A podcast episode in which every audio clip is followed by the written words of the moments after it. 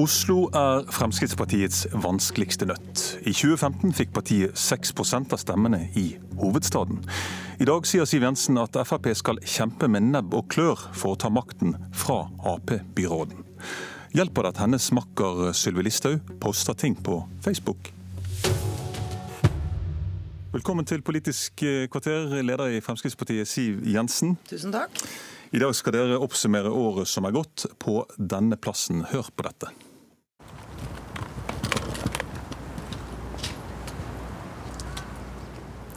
Det vi hører altså Fridtjof Nansens plass, en av Oslo sentrums mest sentrale plasser, rett foran rådhuset. Ikke en bil. Hva tenker du om det? Jeg tenker at eh, det har blitt vanskelig å komme seg frem i Oslo by med bil. Eh, først og fremst er det et problem for handelsstanden, eh, som er avhengig av å få varer eh, inn og ut av butikkene sine. Og de er avhengig av å ha kunder. Jeg tror veldig mange nå vurderer situasjonen, tenker om de skal flytte ut. Og jeg tror det er over tid et problem for Oslo, for vi trenger mangfold i bylivet. Vi trenger butikker, vi trenger yrende folkeliv. Vi trenger ikke bare kafeer. Så du vil ha bilene tilbake på Fridtjof Nansens plass? Jeg vil ha god trafikkflyt i Oslo. Eh, og jeg mener at det er kombinasjonen av sykkelstier, eh, eh, kollektive løsninger og bil som er svaret på Oslo-borgernes utfordringer. Fordi For noen er sykkelen helt utmerket, for andre er bilen helt nødvendig. Mm. Så Det er ikke et enten-eller, det er et både-og. Og særlig i en situasjon hvor denne regjeringen har lagt til rette for lavutslippsbiler. Eh, vi, altså det, vi er det landet i verden med høyest tetthet av elbiler. Så burde ikke dette være et problem. Dere fikk 6% ved forrige lokalvalg i Oslo. Og På siste meningsmåling for Oslo, gjengitt i VG for noen uker siden, fikk dere 8,5 eh, i hovedstaden. Ja, Omtrent det samme som da SV og Rødt, faktisk. Eh, hvorfor er det såpass lav oppslutning i Oslo sammenlignet med det Frp får ellers i landet? Det er en utfordring som vi må ta på alvor. Jeg eh, har tenkt å gjøre det jeg kan for at eh, Fremskrittspartiets oppslutning i Oslo Men hva, Hvilke politiske grunner tror du at eh, dere ikke når opp i Oslo? Jeg tror det er mange årsaker til det. Jeg er for øvrig veldig urolig over at Rødt gjør det såpass bra. Men de er større enn dere faktisk på den måten. Ja, og Det er det all mulig grunn til å uroe seg for med tanke på det synet de har på en lang rekke politiske spørsmål. Men jeg er jo opptatt av at Fremskrittspartiet skal samarbeide med de andre borgerlige partiene. At vi skal gå til valg i Oslo på å fjerne den eiendomsskatten som eh, Raymond og hans byråd har innført. Husk at da de gikk til valg eh, for å vinne makten i Oslo, så sa de at de skulle innføre eiendomsskatt for å styrke eldreomsorgen. De har holdt ett av løftene, nemlig å innføre eiendomsskatt. Men de har ikke styrket eldreomsorgen. Snarere tvert imot så har de lagt ned flere hundre sykehjemsplasser, og de bruker til og med skattebetalernes penger på å kjøpe opp private sykehjem. Sånn at her har vi jo nå fått en mm. veldig tydelig ideologisk kamp, hvor ideologi er viktigere enn de eldre. Og det mener jeg blir en av de store og viktige sakene inn i lokalvalget i Oslo. Da går vi rett til eh, neste post på programmet, her, nemlig eh, Sylvi Listhaugs Facebook-innlegg, som nettopp handlet om sykehjemsplassene i Oslo. Eh, og Sist hun la et Facebook-innlegg ut, så mistet hun jobben som justisminister. Nå gjorde hun det igjen forrige helg, og det har skapt rabalder. Vi kan høre hvordan det lød. Det er viktig å få ut hva byrådet i Oslo med Arbeiderpartiet og SV i spissen gjør. De har altså lagt ned nesten 300 sykehjemsplasser så langt, deriblant St. Halvardshjemmet. Der vi så eh, eldre gråtende ut, som måtte flytte ut derfra, som hadde det veldig bra. Pårørende var fornøyd, og de som jobba der, likte seg godt. Og så ser vi altså at en tid etter det er lagt ned, så eh, åpner det opp for at eh, romfolk som er kommet til Norge, skal kunne overnatte der. Og På Facebook avsluttet Listhaug med formuleringen 'eier dere ikke skam'. Innlegget har jo satt sinn i kok, fordi Listhaug skaper et bilde av at byråden i Oslo har hevet ut eldre fra et sykehjem for å gi plass til romfolk. Ut med nordmenn, inn med utenlandske tiggere. Statsministeren tok avstand fra innlegget og manet til saklig debatt. Men Siv Jensen, hva syns du om dette innlegget? Jeg syns at Sylvi Listhaug selv har svart godt for det innlegget. Men det jeg syns at programlederen nå er i ferd med å gjøre, er å gå i den samme fella som mange andre journalister gjør. Sporer helt av i forhold til hva saken handler om. Ja vel, hvorfor det? Jo, fordi denne saken handler ikke om Sylvi Listhaug. Den handler om det faktum at man legger ned hundretalls av sykehjemsplasser i Oslo. og bruker skattepenger på å kjøpe opp private sykehjemsplasser, til tross for at beboerne er fornøyd. Eh, og Vi er altså i en situasjon hvor denne regjeringen legger til rette for at det skal bygges ut flere tusen nye sykehjemsplasser over hele landet fordi behovene kommer til å stige i årene som kommer. Da kan vi ikke legge ned sykehjemsplasser. Da må vi rett og slett ta vare på det mangfoldet vi har.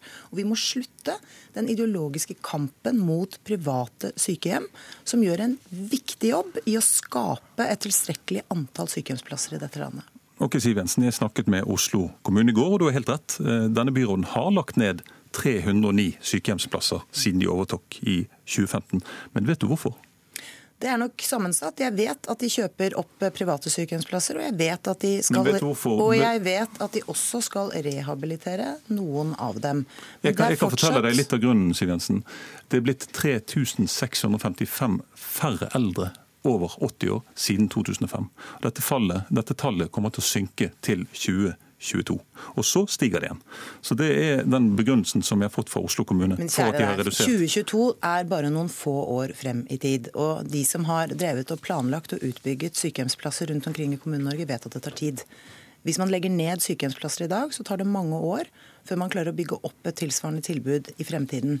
Vi er nå inne i en situasjon og befolkningen i dette landet kommer til å bli stadig eldre. Men Siv Jensen, Vet da, du hvor mange som står på venteliste for å få seg sykehjemsplass i Oslo i dag? Da, vet, vet, du hvor mange som står på venteliste? Gudskjelov så er ikke ventelistene for sykehjemsplasser så veldig lange i Oslo. Men kan er, si det tallet, men, det er null, null, personer, Siv Jensen. Men de er betydelig lenger for de som f.eks.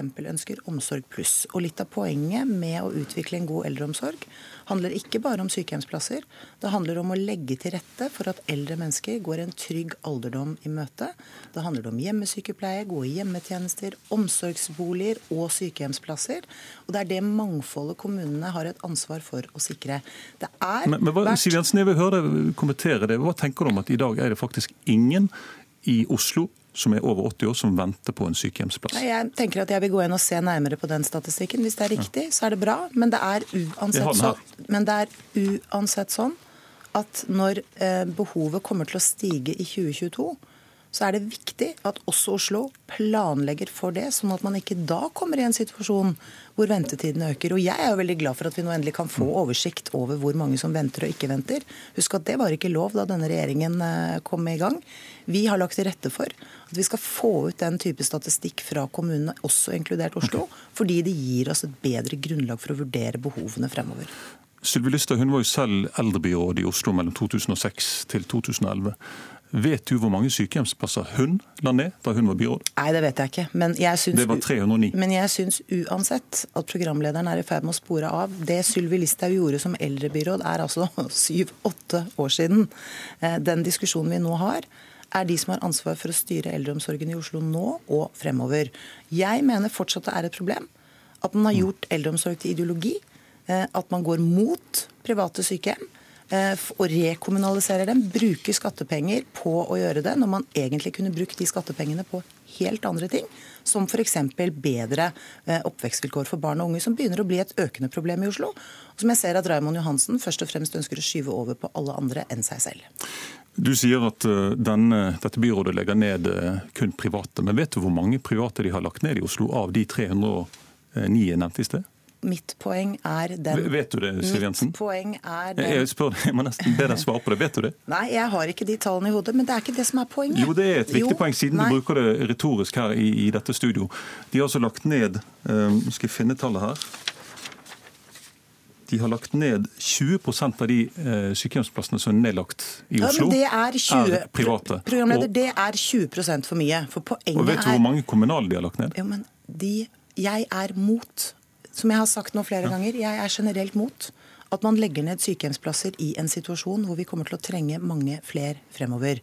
Jeg er for at man rehabiliterer og, og øker standarden på sykehjemsplasser, men jeg er også for at man skal ha et mangfold av private og kommunale. Jeg er ikke mot kommunale sykehjemsplasser, jeg er for det. Men jeg er også for private.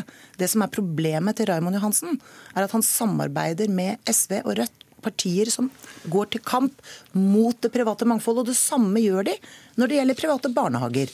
Jeg mener at vi må sørge for å ha det mangfoldet sørge for å ha flere aktører som er villige til å gi oss gode barnehager for barna våre og gode sykehjemstilbud eh, til de som har behov for det. og Da trenger vi det mangfoldet. Nå begynner du å snakke om barnehager, Siv Jensen. Vi snakker om sykehjemsplasser. Vi snakker, nei, jeg snakker om den ideologien som er anført av disse partiene som sitter og styrer Oslo i dag, som handler om at man helt systematisk er mot private organiserte ja. løsninger, enten det gjelder sykehjem eller det gjelder barnehager. Og jeg mener at det mangfoldet må være der, særlig i en situasjon hvor de private barnehagene er eh, vellykket, hvor foreldrene er fornøyd med å ha barna sine der.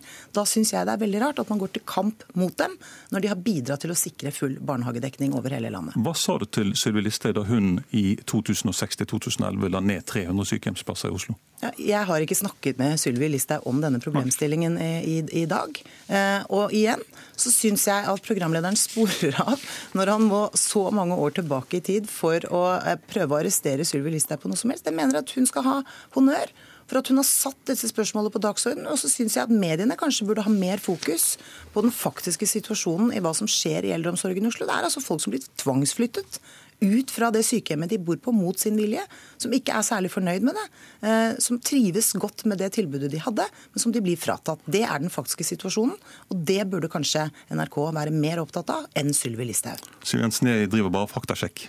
Det er jobben min. Eh, takk til deg for at du kom i studio. og Lykke til med sommeroppsummeringen dere skal ha på Fridtjof Nansens plass om et par timer. Lars Nehru Sand, kommentator her i NRK. Ehm, Listhaug mistet jobben som justisminister pga. et Facebook-innlegg for tre måneder siden. Hva tjener hun på dette Facebook-innlegget hun kom med sist helg? I den grad hun tjener noe, så viser hun jo både presse og statsminister at hun fortsatt står på sin linje og sin måte å eh, fremføre sine politiske argument for. Eh, hun får også en stor debatt om dette, så det tjener hun på. det. Det hun taper, er jo at det blir et, eller annet inntrykk av grov informasjon, at hun utlater helt vesentlige poenger. Og internt i, i Frp så er det også folk som spør seg om hva som egentlig er Listhaug sitt prosjekt. Er det eh, henne selv, eh, eller er det partiet eh, når hun kjører det løpet hun gjør, med måten hun driver debatten på? Listhaug har jo, som mange vet, 160 000 følgere på Facebook, og er populær i sitt segment der ute. Men hvor populær er hun innad i eget parti? Jeg tror både Frp og Sylvi Listhaug innser at de har en gjensidig avhengighetsforhold av hverandre. Listhaug trenger det Frp står for som parti, eh, og Frp trenger de stemmene eh, Listhaug drar med seg. Eh, men det, man ser også i Frp at det snakkes mer og mer om at Fremskrittspartiet må være mer enn Sylvi Listhaug, mer enn innvandringspolitikk, og mer enn bare det stemmesegmentet Listhaug henvender seg primært til for å være eh, et parti av den størrelsen de fleste i Frp vil at eh, Frp skal være. Enkelte har jo spekulert i om Sylvi Listhaug kan ta med seg disse velgerne sine ut av partiet og starte sitt eget parti, som da fokuserer mer på, på innvandring, som du sier. Hvor sannsynlig er det? Jeg tror ikke noe det er sannsynlig i det hele tatt. Jeg tror uh, den organisatoriske kraften og det rigget som trengs for å ha et eget parti, er ikke nødvendigvis noe Listhaug nå ser for seg å, skulle stable på bena. Og, og, som sagt, jeg tror både hun og Frp ser at de er gjensidig avhengige av uh, sånn som det er nå. Og så har det også tjent Norge ganske greit at vi har at vårt ytterste høyreparti er noe mer enn et utelukkende innvandringskritisk parti, men som henter velgere på, på en skattepolitikk politikk, på en eh, bompengemotstand, på motstand mot veldig mye mer enn en bare innvandringsmotstand. Og det, det, har gjort at eh, Frp fremstår som noe annet enn Dansk Folkeparti og Sverigedemokraterna gjør i sine politiske landskap, f.eks. Mm. Hva er forholdet mellom eh, FrPs stortingsgruppe, der Listhaug nå sitter, og, og Frp i regjering? Det handler nok eh, mer om at eh, etter at Venstre trådte inn i regjering, så er det et litt mindre eh, rom for eh, egenpolitiske markeringer fra Frp sin eh, side. Det er jo nettopp det å kjøre sine primærstandpunkt eh, høyt som har vært viktig for Frp. og Derfor har det vært flere diskusjoner internt på en rekke saker hvor det har vært vanskeligere for Frp å, å fremme sine primærstandpunkt tydelig i media, selv om man måtte stemme for noe annet i regjering og det skiller kanskje dette halvåret fra de foregående for FrPs del i regjering. Takk for det, Lars Nehru Sand. Her i studio, Ole Reinert Omvik.